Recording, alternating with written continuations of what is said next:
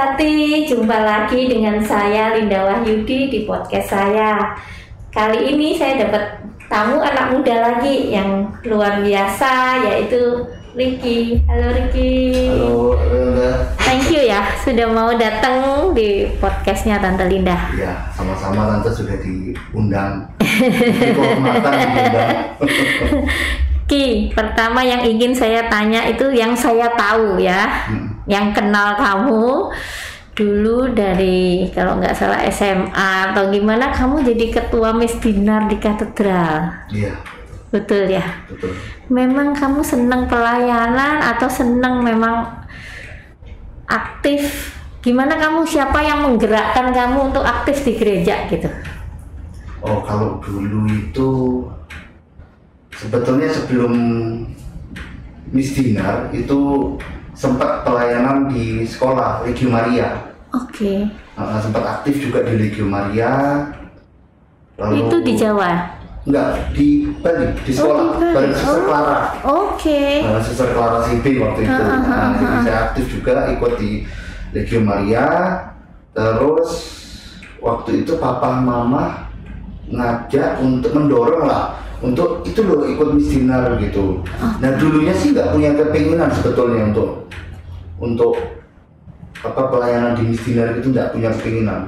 Apalagi dulu kan baru pindah dari Jakarta gitu. Kalau nggak salah sempat jadi ketua Miss Dinar ya? sempat sempat memang dulu sempat ketua Miss Dinar dua tahun ya atau tiga tahun lupa dua tahun ya Soalnya kamu banyak yang mengidolakan, setahu saya waktu Wah, semua mengidolakan jadi di mana-mana itu anak-anak kan saya disekami soalnya kan. Iya, iya. Jadi saya tahu anak-anak begitu mengidolakan kamu, makanya saya tahu kamu. oh masa ya iya, GR ya. Iya, GR. Ah, Oke, oke. nanti pulang rumah nggak cukup ya. Nah, habis kamu bergerak di Miss Dinar, setahu saya nih, saya yang ngamatin dari jauh, kamu di Algon. betul persekutuan doa Oke. tapi sebelumnya waktu itu di Alphonse iya di Mudika juga iya waktu itu Oh, di Mudika juga ya? Mudika iya Mudika Katedral. Mudika katedral tapi Mudikanya lingkungan Lingkungan. Hmm, Oke. Jadi bukan di Mudika Paroki. parokinya tapi di Mudikanya lingkungan waktu itu sempat sempat aktif lah tapi nggak lama nggak sampai setahun gitu. Jadi jalan bersamaan begitu di Antara Algon dan Albons iya, lingkungan di eh, karena ya. di Albons pun itu juga kenapa kok bisa ke situ? Gara-gara waktu itu sempat ketumpang rata-rata tumpang. Ah, kebetulan dari Bali rata-rata pelajar tumpang pertama itu saya angkatan pertama. Kamu sama Riko. aku Mariko Be- waktu itu berdelapan orang. Oke. dari Bali cuma delapan orang. Undal-undul Terus habis itu memang sudah ada waktu, waktu itu Algon sudah ada Oke. sudah ada waktu Algon cuma Algonnya isinya dewasa semua Oh, pada waktu itu. Jadi dewasanya itu bukan menikah ya, tapi dewasanya rata-rata sudah bekerja dan kuliah. Nah, jadi kalau sekarang ini Algorsnya berubah menjadi SMP, SMA. Dulunya pertama kali Ricky ada di situ, itu kuliah dan bekerja justru isinya. Oh. Nah, hingga suatu ketika Ricky dikasih kesempatan untuk retret di Tumpang, itu pun ada yang sponsorin. Ada yang sponsorin. Lalu berangkat ke Tumpang berdelapan sama teman, pulang berapi-api kan begitu, terus ditempatkanlah di waktu itu PD Algon waktu itu. Oh ada PD Algon ya kita mampir ke sana main sana. Waktu itu ya canggung karena kenapa Ricky paling kecil. Waktu itu Ricky masih SMP kelas 3 Ya yang lain udah kuliah bekerja semua kan sebetulnya ada rasa aneh gitu. Tapi puji Tuhan nggak selang berapa lama anak-anak Miss Dinar itu ikut semua dari KPD. Ya karena ada ini ada idolanya di sana itu. Nah terus habis dari Algon kamu jadi pengurus ya? Sempat jadi ketua? Enggak, di Alkes nggak pernah jadi ketua. Jadi pengurus iya. Udah beberapa periode, ada empat atau lima periode di kepengurusan di Algons, tapi pindah-pindah posisi. Gitu, jadi ada, ada sempat di perlengkapan, sempat di humas, ya, berpindah-pindah posisinya. Itu kamu masih SMP SMA? Betul, sampai waktu itu bekerja, Oh ya. sampai udah kerja. gitu Oke, nah setelah dari Algon nih, Mm-mm. kan ada yang PD yang mahasiswa dan bekerja kalau nggak salah ya, betul betul Kanisius. betul Ricky sempat ke sana? enggak Why? waktu itu karena di outdoors masih butuh yang namanya apa namanya leader yang agak dewasa begitu jadi yang sudah punya pengalaman karena pada saat itu sebagian besar yang senior itu baik usianya maupun dari jam pengalaman apa pelayanannya itu berpindah ke Canisius. Sehingga memang harus ada satu tim satu tim yang masih utuh artinya cukup senior untuk tetap tinggal di apa di Argos gitu. Jadinya Argos ya masih bisa berjalan dengan baik. Dan kamu memilih di situ. Eh, waktu itu sebetulnya Ricky tidak diizinkan untuk memilih ya. Oke. karena memang sudah diposisikan begitu gitu. Iya waktu itu dia bahkan eh, tiba-tiba Canisius ada gitu pun cuma tahunya sedikit. Pokoknya tetap jalan PD aja. Ya jadi kadang-kadang ah, ah, pada saat itu tapi memang itu biasa lah ya di Iya, mana-mana. biasa. Eh, saat Iya. ada perpisahan Iya. pasti ada yang terluka ada Iya. yang ah, begitu. Tapi so itu memang proses. Tuhan izinkan hadir Tuhan izinkan ada. Nah, akhirnya memang dalam ya namanya perpisahan pasti ada yang nggak enak gitu kan. Tapi waktu itu memang ya banyak yang kaget gitu. "Wah, ada PD baru gitu oh mereka bikin PD baru gitu nah tapi apa namanya eh, ya akhirnya kami berjalan bersama-sama gitu intinya jadi ya itu cuman di awal di awal apa kelahiran Kanisius saja sempat ada gonjang Ya kehilangan lah. kehilangan Iya. dulunya banyak mentornya sekarang ya mentornya tinggal Iya. beberapa orang gitu Iya. dulunya kalau Ricky bingung apa tinggal tanya senior sekarang Ricky yang ditanya. Nah gitu. Jadi aduh pasti ngapain ini? Gitu. Tapi ya itu apa tapi tetap sebetulnya itu baik gitu ya. Memang kan kita nggak mungkin segitu-segitu Iya. aja. Iya. Sangat baik. Nah sama kayak di paroki kalau lingkungan dipecah itu kan ada rasa nggak enak semua pada nggak mau tapi kalau Betul. sudah dipecah ya akhirnya ya tumbuh sendiri-sendiri Benar. dan berkembang justru lebih kuat lagi nantinya Iya, gitu iya, karena yang nggak pernah muncul jadi muncul nih, Iya. karena Nah, dulunya kalau banyak nggak muncul iya, nggak apa-apa, kelihatan. nggak kelihatan. wih, sedikit kok kayak kurang ya Iya. Nah, Vicky, perjalanan setelah kamu di Algon, terus Hmm. kamu menikah. menikah waktu Ricky menikah itu Ricky masih sebetulnya anggota di Algons. Artinya sudah bukan tim tapi hanya apa namanya pendamping lah gitu. Cuman pada saat itu tidak resmi pendamping karena pada saat itu yang resmi mendamping yang ditunjuk oleh tim untuk mendampingi Algons itu Indra Indra Prana gitu. Karena mereka memang diizinkan untuk memilih ini di, di antara para leader yang sudah senior ini waktu itu conference yang memberikan pilihan mau pilih siapa gitu ah mereka kompak pilih Indra oke berarti yang lainnya harus menjadi anggota artinya tidak boleh lagi jadi tim begitu karena sering kali kalau senior itu terus ada merongrong begitu ya itu Anak kadang-kadang mudanya nggak berani keluar. Nah, anak mudanya jiwa kepemimpinannya itu jadi Iya. dikit-dikit kan bertanya Iya. tadinya gitu. Apalagi kalau seniornya banyak. jadi bahkan waktu itu kita mamanya untuk untuk hadir di rapat tim sih sudah tidak boleh. Jadi udah cukup Indra satu orang. Gitu. Jadi ditinggalin satu orang. Lalu kami apa namanya ya ya jadi umat gitu jadi umat walaupun memang setelah saya menikah punya anak eh waktu itu belum punya anak sih tapi sudah mulai ini ya mulai merasa tidak nyambung gitu waktu itu bingung mau pindah ke Canisius tapi Canisiusnya ya tidak ada yang menikah di situ. Wak- waktu itu Om Ivo sempat bilang loh Ricky kamu sudah nikah kamu harusnya sama Maria gitu. Bener juga. Tapi kok saya merasa saya masih terlalu muda ya di sana gitu loh. Saya takutnya itu malah apa namanya ya saya tidak bisa menyalurkan semangat malah saya ikut lemes begitu bukan saya bilang Santa Maria lemas tidak begitu ya tapi eh, auranya akan Iya. berbeda begitu. Nah waktu itu akhirnya Ricky sama teman-teman supaya tidak kekeringan supaya memang sempat vakum ya hampir hampir 8 atau 9 bulan sempat tidak bersekutu sama sekali akhirnya. Tapi hingga suatu ketika kita mengalami suatu kerinduan untuk ternyata memang kita ini butuh bersekutu.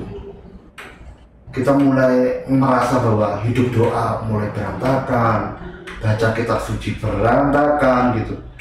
Padahal di dalam komunitas saja kadang-kala kita masih jatuh bangun ternyata begitu di luar komunitas ya jatuh gitu. Artinya kekeringan gitu. Sempat berpikir bahwa ah, aku mau fokus dulu bekerja. Ternyata setelah saya refleksikan pekerjaan juga nggak naik-naik amat begitu dengan kita fokus bekerja tidak mengurus pelayanan dan lain-lain. Nah di situ saya dan Novi merefleksikan lagi bahwa oh yuk kita kumpul-kumpul lagi yuk. Nah gitu. Akhirnya kami undang teman-teman yang sudah menikah juga untuk datang waktu itu masih ngekos ayo datang ke kos ini yuk ah gitu kita mulai bikin sel gitu berdoa baca firman saling berbagi pengetahuan tentang firman. Oh kalau menurut kamu ini firman ini berkata apa? Oh kalau menurut saya ya kita berdiskusi begitu. Jadi karena waktu itu kan kita masih self begitu kan jadi isinya sharing aja sharing. Berapa pasang waktu itu? Waktu itu hanya tiga pasang. Gitu. Startnya dari tiga pasang. Setelah itu mulai ada beberapa apa namanya teman yang bahkan tidak bukan Pak Sutri pun mereka pengen ikut akhirnya. Oh, oke. Ha, tapi setelah akhirnya kami apa namanya berdiskusi panjang lebar, apalagi kami juga sempat ketemu dengan almarhum Om Leo, beliau ketua PPK pada saat itu. Jadinya kalau segala pergerakan di bawah karismatik kami wajib untuk minta izin atau bahkan minta petunjuk lah begitu.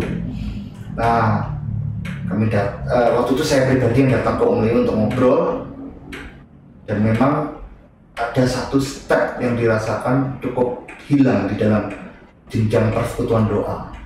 Artinya begitu banyak orang yang apa namanya begitu menikah hilang dari pelayanan. Iya. Jangankan menikah, kadang di Alkons itu baru punya pacar sudah hilang pelayanan. Oke. Belum menikah itu, Oke. gitu.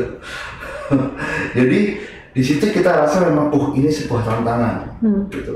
Cuman memang pada saat itu Om Leo mengingatkan bahwa ini tidak mudah Iya.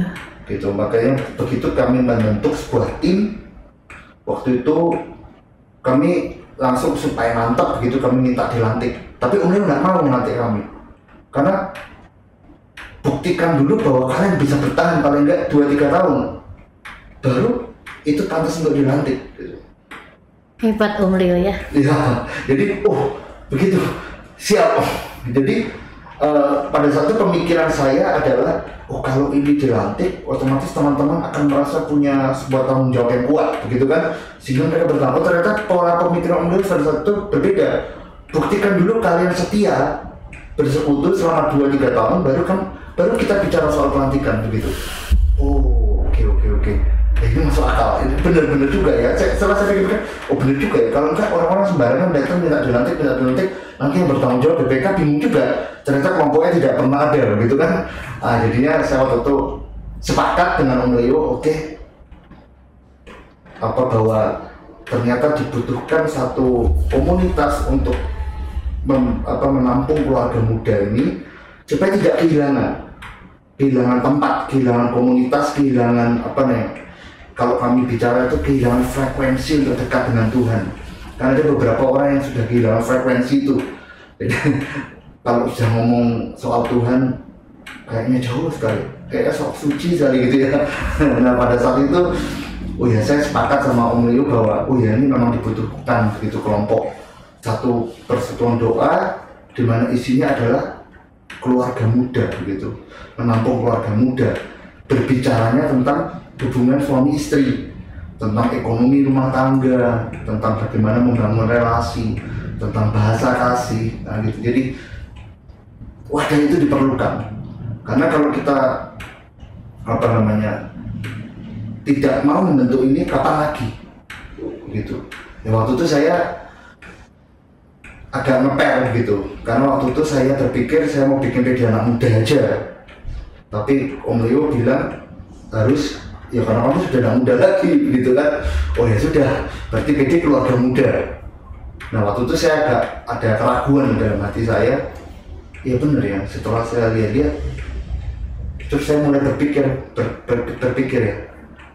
Dulu teman-teman Alphonse itu yang sudah menikah itu langsung tak tulis yang sudah menikah itu siapa aja? Terus bagaimana kehidupan rohani ya sekarang? Itu kan kalau sekarang gampang sekali mengetahui itu ya. Cukup buka Instagramnya atau Facebooknya sudah tahu bagaimana kehidupan rohani dia gitu. Saya lihat betul. Rata-rata memang apa sudah tidak pelayanan rata-rata gitu. Jadi apa namanya ya tapi secara pribadinya saya tidak tahu karena kan cuma lihat di ya. tapi kalau dari kegiatannya terlihat bahwa oh dia sudah tidak punya persekutuan hmm. gitu ah, sudah tidak ber, bersekutu ya. gitu entah komunitas apa pun itu sebetulnya apa namanya saya nggak terlalu soal tapi kalau apa tidak bersekutu sama sekali ya ini bahaya gitu. begitu pula dengan di lingkungan kalau saya lihat di lingkungan di paroki hampir tidak ada keluarga muda satu pun begitu satu pun dan memang struktur doanya, struktur kegiatannya itu memang seperti tidak menarik untuk anak keluarga muda untuk hadir untuk dalam tanda kutip untuk membelain yeah. gitu ya bahwa anak kecil untuk datang ke doa lingkungan yeah. ah ini yeah. nah itu dia makanya saya kadang-kadang saya oh ya memang betul kita harus punya sebuah formula bagaimana agar keluarga muda ini dalam tanda kutip mau niat begitu untuk hadir. Tapi ya apa namanya juga harus dikemas dengan yang menarik gitu supaya kekeluargaannya juga harus baik. Nah ini yang menjadi PR dan dalam tanda kutip pada awalnya itu menjadi sebuah ketakutan gitu. Ketakutan dalam pikiran saya gitu waktu itu. Tapi puji Tuhan ya saya punya teman-teman yang mendukung punya teman-teman yang support punya teman-teman yang positif juga.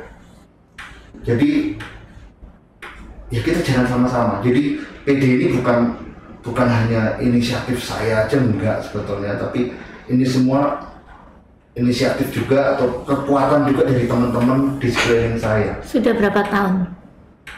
Tahun ini tahun ke-6 luar biasa. Gitu. Gini Ki, kenapa saya ngundang kamu untuk sharing? Karena bagi saya nih, saya setua ini, yang saya berkecimpung di pelayanan dari saya SMA lulus SMA ya. Buat saya selama ini saya pribadi merasa impossible gitu loh. Ada persekutuan doa untuk keluarga-keluarga muda yang anaknya masih bayi-bayi gitu loh. Karena saya ngalami juga punya anak bayi itu rempong banget gitu. Ya iya. saya yang punya babysitter ini. Apalagi yang nggak punya babysitter jangankan mikirin PD begitu loh. Iya benar-benar rasanya itu anak nangis bingung mau diapain. Ya anak galau kita bingung ini mau ngapain ini gitu misalnya. Dan makanya saya terkagum-kagum ketika saya diundang untuk bawain renungan di tempat kamu saya itu sampai terus ngomong Tuhan Tuhan ini benar tak persekutuan doa ini benar tak semua pada bawa kereta bayi. Terus bapak-bapaknya yang gendong-gendong bayi gitu sambil nyanyi-nyanyi sambil gendong bayi. Buat saya itu wow. Ternyata bisa loh. Makanya kenapa saya ngundang kamu? Saya kepengen tahu kenapa bisa gitu loh. Untuk keluarga muda maaf ya Kia yeah. yang pertama adalah berjuang mencari nafkah. Hmm. karena baru mulai belum mapan Ki. Yeah. ya yang kedua, berjuang menyesuaikan diri antara suami istri yang biasanya bujangan sekarang harus berbagi perasaan, berbagi semua kebutuhan juga keinginan ya, berbagi. Ya. Belum lagi mulai menyesuaikan diri jadi bapak sama ibu. Yang anaknya kita nggak tahu begitu lahir baru tahu, waduh kayak begini ya gitu. Dunianya dibalik ya. Kalau orang baru melahirkan tuh dunia kayak dibalik yang biasanya bisa tidur lelap ini tiap jam bangun gitu ya. Yang biasanya nggak usah mikirin susu pempes sekarang jadi mikirin susu dan pempes ya. Iya. dan untuk itu semua itu kan untuk saya pribadi nggak mungkin lah orang bisa menyisikan waktu untuk doa bersama nyanyi bersama. Mana tak lihat kalian kan kadang-kadang komsel gitu ya. ya saya bilang gila ya anak-anak ini ternyata bisa loh. Semua bawa anak loh. Gitu. Kamu bagaimana cara menghidupkan itu? Gitu loh atau memang jalan aja tante gitu atau gimana? Ah ya memang itu ya buat saya sih ini kuasa Tuhan sih ya. Jadi memang pada awalnya memang kita mengkonsepkan begitu membuat begitu banyak konsep artinya bagaimana supaya semuanya bisa sama-sama jalan semuanya bisa sama-sama nyaman sama-sama enak. Tapi ada setengah-setengah yang setengah-setengah dalam hati saya ini terjadi begitu saja begitu semuanya baik ternyata. Ternyata saat kita berkumpul seperti contoh biasanya dalam tanda kutip mama-mama baru itu pasti pernah ada yang namanya baby blues. Iya. Nah, hal-hal semacam itu yang sampai ngurus sama sambil nangis-nangis ya itu itu kalau di luar komunitas dia mau sharing sama siapa? Iya. Nah, tapi justru ternyata di dalam komunitas ini mereka bisa saling chatting. Aduh anakku gini loh, anakku gitu. Ini mereka antara mama-mama. Jadi di sini ternyata saya yang tadinya saya, saya pun juga berpikir seperti tante apa namanya, oh itu gimana? Tapi ternyata tidak. Justru saat ikut persekutuan doa dihadapkan dengan komunitas yang sama-sama. Keluarga muda pergumulannya mirip-mirip begitu. Terutama ya yang paling yang biasanya tingkat diskusi paling tinggi adalah soal anak biasanya. Menentukan sekolah anak oh kalau anakku sakit begini nah itu ternyata di dalam komunitas itu enaknya begitu. Ada yang diajak ngobrol nggak sungkan nggak malu. Nah. Jujur, waktu anak dan menantu saya mulai ikut, saya senang setengah mati. Saya sampai bilang, kamu ya kalau nanya orang tua jujur, generasinya udah beda. Caranya ngasuh anak, didik anak itu sudah berbeda. betul betul Tapi karena dia ada di komunitas yang benar menurut saya, mereka bisa saling sharing, bisa tanya. Kalau kamu nggak ngerti, nanya. Yang baru melahirkan ini loh, dulu pengalamannya dia apa gitu loh. iya iya Karena pasti masih ingat lah orang baru gitu, Baru. sama gitu. Iya memang ya itu itu apa ya apalagi ki- kita sekarang ini kan banyak hal ternyata yang yang dalam tanda kutip bukannya salah ya tapi orang tua zaman dulu mungkin masih belum apa dunia informatif kan belum informatif sekarang ini gitu. Sekarang kita mau cari apa tinggal Google dapat begitu nah kalau mungkin orang tua kita zaman dulu kan masih Ya. susah mendapatkan informasi-informasi yang benar itu gitu. Nah jadinya ya betul kata Tante kalau berdiskusi ya lebih baik yang sama-sama mengalami begitu. Apalagi kalau kita di PD kadang saya tanya kalau ada yang nggak bawa anaknya saya tanya lu kenapa nggak dibawa? gitu oh dititipin di maknya atau di mananya. Jangan dibawa aja nggak apa-apa. Gitu. Tujuannya saya mengingatkan begitu supaya eh, yang pertama tentunya mengingatkan eh, membentuklah habit yang baik ya. Artinya ke PD ini lebih mudah daripada ke gereja. Kalau boleh gitu. Sekarang eh, kamu nggak bawa anakmu ke PD berarti kamu gereja juga nggak mungkin bawa anakmu kan gitu loh kayak maksudnya. nah justru membawa anak ke dalam sebuah persekutuan dalam Tuhan ya ini buat latihannya di PD di PD santai bisa jalan-jalan ambil gendongan nah kalau di gereja kan nggak bisa malah kita di luar kadang menunggu orang lain gitu tapi justru di saat rame-rame begini ini latihan juga buat anak, Anak, iya. ketemu oh Iya. ini memuji Tuhan Iya. sejak kecil diperkenalkan Iya. siapa itu Tuhannya Iya. gitu jadi ya contoh kayak kalau anak-anak saya mungkin dari kecil sudah saya bawa keliling pelayanan. Iya. jadi mereka nggak pernah ada yang takut ketemu orang itu nggak ada yang ngumpet sama di belakang mamanya gitu. Enggak puji Tuhan begitu. Dari kecil dibawa-bawa ke mana-mana juga apa nggak nggak nggak rewel nggak takut begitu. Nah itu kalau saya bilang segi positifnya kita melayani dengan membawa anak gitu ya. Walaupun kalau dipikir apa namanya saya pun ya sama bareng sama Felix biasanya itu teman-teman saya saya ajak berpikir kebetulan dia seksi acaranya PD jadi kita sama-sama berpikir bagaimana membuat sebuah acara itu yang yang apa namanya efektif artinya kalau dulu kita di PD Algos PD itu bisa lama kalau sekarang tidak boleh lama Kenapa? Karena untuk mereka hadir saja, ini sudah puji Tuhan. Untuk mereka hadir, mereka sudah mempersiapkan itu. Tahu kan kalau bawa anak kecil itu kita mau pergi aja, yang dipersiapkan tuh Iya. bisa dua jam sebelumnya sudah persiapan begitu ya nah itu dia nah otomatis Kalau bisa seperti orang pindah rumah lagi. maka itu kan kita apa namanya benar-benar mem- apa namanya mem- mem- memformat sebuah acara itu yang ramah terhadap keluarga ini begitu jadi apa namanya durasinya pujiannya formatnya itu sudah sedemikian rupa supaya satu jam selesai Kamu tahu nggak Ki? Saya itu sampai promosi ke semua teman-teman saya. Kalau anaknya baru nikah, saya bilang masuk di sana. Itu lingkungan yang benar yang akan membentuk keluarga anakmu dan cucumu nanti. Itu jadi luar biasa.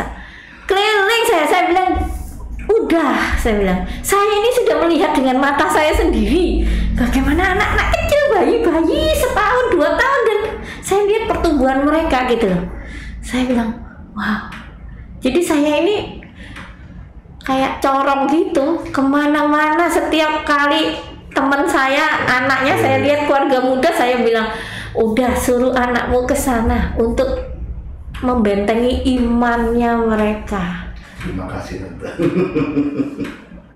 Saya bilang saya sudah membuktikan anak saya sama mantu saya di sana sama cucu saya. Saya bilang gitu udah. Syukur loh ada wadah itu. Soalnya banyak orang tua yang mengeluh. Anaknya sudah menikah baru muda ya hilang ya kayak kamu tadi bilang hilang Ya, eh, saya punya beberapa teman juga yang pelayanan lama di Algon juga sudah menikah. Saya ajak ke PD itu satu kali datang, setelah itu nggak datang lagi. Kayak banyak yang seperti itu. Banyak. Kenapa? Karena kapok. Kapok dengan rempong ngurus anak sambil pujian. Ya, itu buat saya sih belum, karena belum terbiasa aja. belum terbiasa. makanya Jadi kalau udah terbiasa kan iya. apa namanya, oh ya memang begini punya. Buat saya itu itu keajaiban gitu loh. Jadi tiap kali saya kamu undang ke PD-mu itu saya cuma bilang wow ini bener loh tak cubit-cubit iya ini kenyataan loh bisa ada PD anak-anak yang bawa anak bayi-bayi ini loh gitu loh salut buat kamu Ricky semoga ini memang jalan baik dan banyak orang ketolong Amin. Amin. ya jangan jangan kendor walaupun sekarang saya tahu rumahnya Ricky jauh banget Hmm, hmm, hmm. dengan bawa dua anak dengan teng teng teng teng semua itu Tapi sekarang lagi online ya, Iya. nggak ke mana-mana. ya ya sekarang semua lagi online dan selama online kan tetap jalan ya tetap tetap jalan kita nggak pernah berhenti sih. Jadi sempat waktu itu berhenti hanya karena pas mau PD tiba-tiba kena PSBB. Ah, waktu itu kita di Sinar Mulia. oke Nah, waktu itu Om Chris juga ada tua kan, jadi kami juga khawatir kalau kita datang-datang ke rumahnya dengan banyak orang begitu. Jadi, oh yaudah kami, kami putuskan Pak, hari itu PD dibatalkan begitu. Minggu depannya langsung online. Ki, dalam PD itu kan saya lihat kalian juga membuat kegiatan buat anak-anak ya Iya betul. itu idenya selalu baru atau memang dari tim selalu ada yang kreativitas yang mikirin itu Ada. Jadi di PD kami bentuk namanya ada satu divisi namanya Kids Ministry khusus untuk ngurusin anak-anak ini. Jadi di Kids Ministry itu ada anggotanya. Ah, jadi kebetulan saat ini koordinatornya namanya Tasya untuk ketua divisi ministry. Di bawahnya itu para mama, stafnya, anggotanya. Ada Novi, istri saya, tapi mereka bisa juga nggak ngikuti PD maksudnya atau mereka sibuk ngurusin anak sampai nggak bisa keisi di PD Nah, pada hari hanya itu sudah pasti yang bertugas tidak bisa ngikutin PD. Karena mereka harus ngurusin anak-anak. itu semua mama-mama tugas di sana atau sebagian aja Hanya dua orang. Makanya ada banyak Digilir. mama-mama digilir. Nah, satu shift, satu guru, satu asisten guru gitu kita buat istilahnya begitu Oke. satu yang memimpin satu asistennya jadi yang memimpin kelasnya siapa sekarang Tasya yang Oke. yang mimpin eh, yang ini Novi mungkin gitu Tapi di lain waktu dia bisa ikut PD kalau Bisa. giliran yang lain. Betul. Tujuannya kami buat buat bergilir juga itu tujuannya supaya kalau dia bertugas terus kan dia nggak bisa berpd. Ya. Nah, nanti kekeringan apa Ya. gitu kan. Akhirnya karena begitu banyak kita PD satu satu bulan hanya eh satu bulan dua kali minggu pertama dan minggu ketiga otomatis mereka bisa kebagian jatah itu empat bulan sekali gitu tiga bulan sekali jadi cukup jauh Tapi mama-mama yang lain nggak dirempongin sama anak-anak itu. Anak-anak bisa mulai pelan-pelan bisa mandiri. Pelan-pelan bisa, tapi tentunya ada umurnya. Oke. Gitu. Ada beberapa umur yang mungkin masih dua tahun ke bawah, itu biasanya belum bisa lepas sama sekali dari mamanya. Ya mau nggak mau, mamanya itu akan sering saya jadikan asisten. Ah, jadinya kan memang dia mau nggak mau dia harus menemani anaknya. Jadi daripada kebanyakan orang yang ngurus Anak. anak-anak lebih baik ya terpaksa dia yang saya jatuhkan dan, dan biasanya dia pasti akan bersedia Iya, karena Iya, sekalian iya, juga saya anak. dekat dengan anakku gitu. Mm-mm. Jadi memang ya pengaturan schedule-nya itu yang yang yang perlu baik-baik diperhitungkan. Maka itu saya saya eh, dari struktur organisasi juga harus rapi, lalu di jadwal jadwal-jadwal petugas itu juga harus rapi karena di situ banyak petugas bikin prayer, acara, WL, singer, pemusik, kid ministry itu kan nggak boleh saling berbenturan karena orangnya itu itu aja. Tapi puji Tuhan juga memang ada beberapa orang-orang yang belum menikah pun juga mau join, Oh, mau membantu. Nah di situ makanya pada saat itu sempat ada salah satu senior yang bertanya kepada saya, oh Riki, PD-mu khusus untuk menikah aja kalau ada anak-anak muda su- suruh aja ke Kanisius atau ke PD anak muda lainnya begitu, jangan di situ.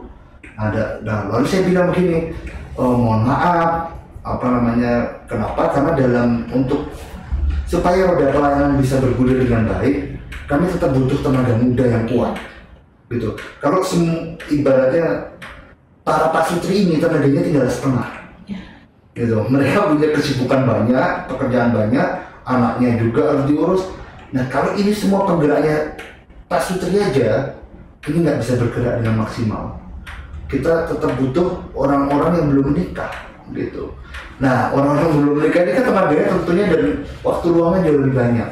Nah ini yang akan menjadi motor penggerak juga salah satunya. Jadi memang tidak bisa pure apa warga muda semua dari ujung ke ujung, ah, PD-nya nggak bisa berjalan nanti. Kami butuh betul butuh gitu. Ki pernah nggak mengalami kejenuhan Ki? Kejenuhan pernah, pasti pernah ya. Tapi nggak ada niat untuk beranjak mundur. Niatan pernah, tapi itu waktu di Algons. Kalau untuk sekarang ini, jadi ya puji Tuhan, saya diberi kesempatan banyak untuk melayani. Makin ke sini, makin saya sadar bahwa uh, berhenti dari sebuah pelayanan atau terkadang memang saya ada rasa lelah gitu, ada rasa lelah. Tapi untuk saat ini, ya mungkin lima tahun ke belakang inilah ya, itu saya nggak nggak pernah ada niatan untuk berhenti atau ah sudah cukup lah gitu. Karena buat saya melayani ya ya sampai mati gitu.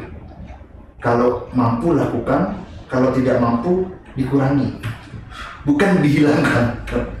Jadi kalau buat saya, saya pribadi apa namanya, karena saya sudah pernah mengalami yang namanya saya mundur dari pelayanan, artinya tidak melayani sama sekali. Ya tadi saya cerita juga bahwa toh ternyata hidup saya tidak menjadi lebih baik, hidup saya malah ada ruang kosong yang yang entah bagaimana itu terasa hampa.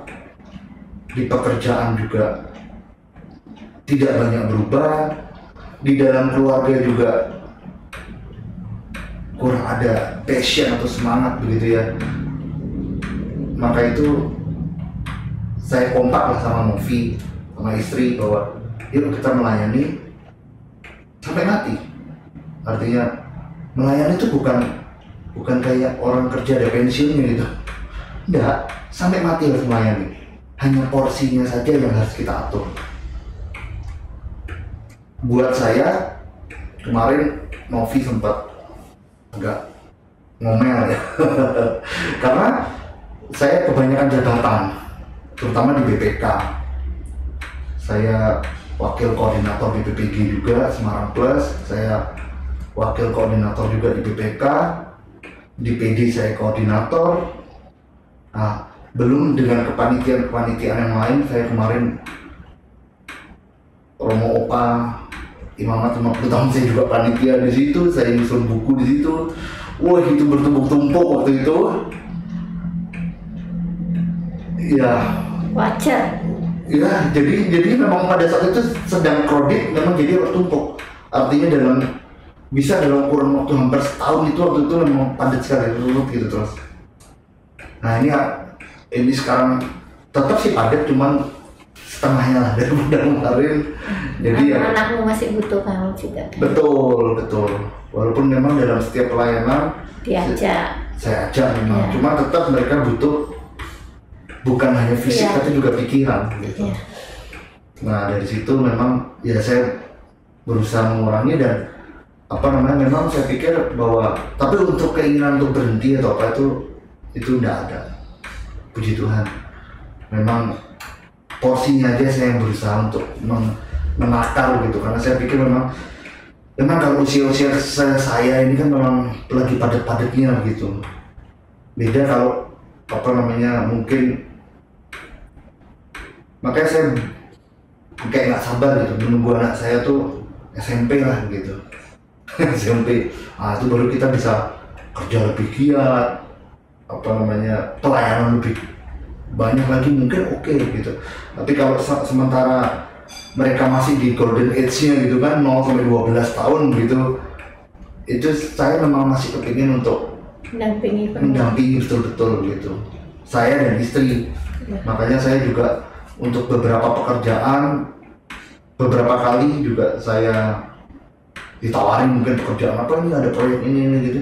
Saya bukannya nolak rezeki atau apa tapi kalau saya pikir itu akan memakan waktu saya saya, saya tolak dulu gitu. Mungkin belum saatnya saya untuk ambil semua itu. Nanti setelah anak saya sudah agak gede saya akan ambil itu. Itu sih. Walaupun orang banyak bilang sama saya eh Ricky kesempatan itu nggak datang dua kali loh gitu. Ya siapa bilang? An- di dalam Tuhan kesempatan itu setiap hari hadir. Berkali-kali. Berkali-kali hadir. Hanya kamu mau pilih yang mana kamu ambil atau tidak itu pilihan kita. Nah di sini saya juga berpikir bahwa uh, Novi juga saya berusaha kompak lah untuk yuk pelayanan tetap pelayanan. Nanti jangan sampai berhenti. Kita lama aku sama Novi selalu bilang kita lama-lama terasa kan ya apa saatnya. Oh saat kita jauh dari Tuhan itu rasanya beda gitu. Oh saat harusnya kita bisa lakukan sesuatu untuk hal itu. Tapi kita tidak lakukan. Rasanya nggak enak. Gitu. Atau kita menghindar di suatu pelayanan gitu padahal nah, rasanya enak kan gitu. Aku selalu berusaha diskusi sama istri gitu. "Oh, iya ya iya. Ya dan kami pun juga sadar bahwa kehidupan rumah tangga kami ini bisa tetap harmonis, bisa tetap baik pun karena kami sama-sama pelayanan. Itu kami yang berusaha menjadikan salah satu semangat lah untuk sama-sama berdua tetap pelayanan walaupun contoh seperti Novi uh, beberapa istri-istri di, di persekutuan doa juga kalau menjadi tim pun di posisinya di belakang layar artinya karena fokus mereka tetap ke anaknya jadi PD itu melayani tetap melayani tapi ada posisinya. Contoh Novi bendara gitu. Itu kan yang bukan harus tampil atau mempersiapkan sesuatu dia hanya pencatatan. Dia dari sekretaris Esil di humas admin PD jadi cuma pegang handphone gitu. Ah, jadi apa namanya memang porsinya yang harus diatur. Puji Tuhan nggak sampai ada kalau kita bisa atur ya jadi nggak sampai terjadi kejenuhan yang memuncak gitu kadang ada niatan untuk berhenti itu kan karena kejenuhan yang memuncak dan mungkin juga kurang ya. kadang capek melayani tapi tidak dilayani. Iya. nah, capek mengisi tapi tidak pernah diisi. Ya itu kadang-kadang ada kekeringan di sini lalu timbullah rasa lelah rasa ya rasa ingin dihargai atau apa segala macam. Itu kan kadang muncul saat kita kekeringan justru Ki, kalau kamu dikasih kesempatan ngomong nih sama anak-anak muda atau keluarga-keluarga muda, yuk jangan takut untuk melayani atau bergabung. Mungkin pertama agak rempong, tapi dibiasakan itu hasilnya akan jauh lebih positif untuk kehidupan. Karena kamu yang ngalami kan. betul Kalau saya yang mempromosikan, emangnya kamu ngalamin gitu kan? Jadi kalau kamu saya kasih kesempatan, ngomonglah sama keluarga-keluarga muda di sini untuk ya kamu memberi banyak positif gitu. Ayo, gitu. Iya, iya. Uh, teman-teman semua keluarga muda yang sudah menikah punya anak nggak perlu takut untuk ngajak ke PD atau bersekutu bersama karena toh ini kita membutuhkan ini hal yang baik saya sudah rasakan di mana kita bisa saling sharing kita bisa cerita di mana kesulitan kita. Bukan hanya soal rohani tapi juga soal keluarga soal relasi soal ekonomi. Begitu banyak kita bisa saling curhat juga saling cerita. Dan kita juga bisa berlatih gimana kita apa melebarkan kapasitas kita sebagai orang tua. Bukan hanya menafkahi mereka menghidupi mereka tapi juga mau mendewasakan imannya sering kali banyak orang fisiknya bertumbuh imannya segini aja. Nah, itu mungkin karena belum terbiasa mungkin rempong sebentar untuk hadir di PD tapi setelah itu biasanya mulai terbiasa. Kenapa terbiasa? Karena anaknya mulai menyadari oh ini lagi PD aku akan tenang. Pertama-tama kali PD biasanya banyak anak ribut. Tapi empat kali PD lima kali PD mereka sudah terbiasa mereka sudah bisa doa mereka bisa diam bisa di diajak berkegiatan. Karena setiap kali kita PD ada kegiatannya wadah supaya anak-anak nggak bosen. Bercerita kitab suci ada dramanya mungkin ada kreativitas menggambar melipat segalanya. Jadi buat teman-teman yang punya anak nggak usah takut datang aja bersekutu. Semoga kita cepat-cepat offline. Itu lebih seru lagi. Kalau sekarang online mungkin capek ya sekolah online bisa online video online gitu. Tapi kita berdoa sama-sama pandemi ini cepat selesai kita akan offline di gereja Ubung Nah, Ki, kalau waktu janji perkawinan kan kita pasti berjanji ya kan mendidik iman anak-anak kita Secara kan Katolik. secara Katolik. Iya. Dan ini adalah wadah yang sangat bagus, sangat Betul. sangat bagus. Nah itu kamu harus mempromosikan, jangan lupa loh janji perkawinan. Oh iya. Dan itu salah satu janji perkawinan. Karena sering kali banyak orang tua yang em, baru punya anak, mereka berpikir nggak perlu. Itu nanti aja, gitu. Sudah agak besaran lah. Nah, biasanya itu dia frekuensinya mulai ketinggalan. Iya. Gitu. Jadi eh, karena dia nggak dari kecil, mereka sudah Iya. punya dunia sendiri. Puji Tuhan kalau dunianya Iya. mendekatkan dia terhadap komunitas. Iya. Tapi kalau kebetulan dunianya tidak ke arah situ, kebetulan ini ah, ini yang susah untuk mengarahkan mereka ke komunitas atau kepada Tuhan atau mau tahu siapa Tuhannya, mau tahu apa agamanya begitu. Sekolah minggu bagus, sekami bagus, tetapi Betul. orang tua yang mendidik jauh lebih Oh, bagus. Betul. Dan mereka melihat langsung dengan matanya bagaimana orang tuanya memuji dan menyembah Tuhan, bagaimana orang tuanya merenungkan firman, Betul. bagaimana orang tuanya melayani. Itu yang nggak bisa dibayar di mana-mana. Itu mereka lihat secara langsung dengan matanya. Belajar yang paling tepat itu kan adalah teladan, melihat teladan gitu. dan melakukan loh langsung. Mereka juga ikut dalam pelayanan Sama-sama. itu. iya. Jadi teman-teman rugi banget kalau teman-teman tidak bergabung dengan PD mereka teman teman-teman muda yang baru memulai bentuk keluarga.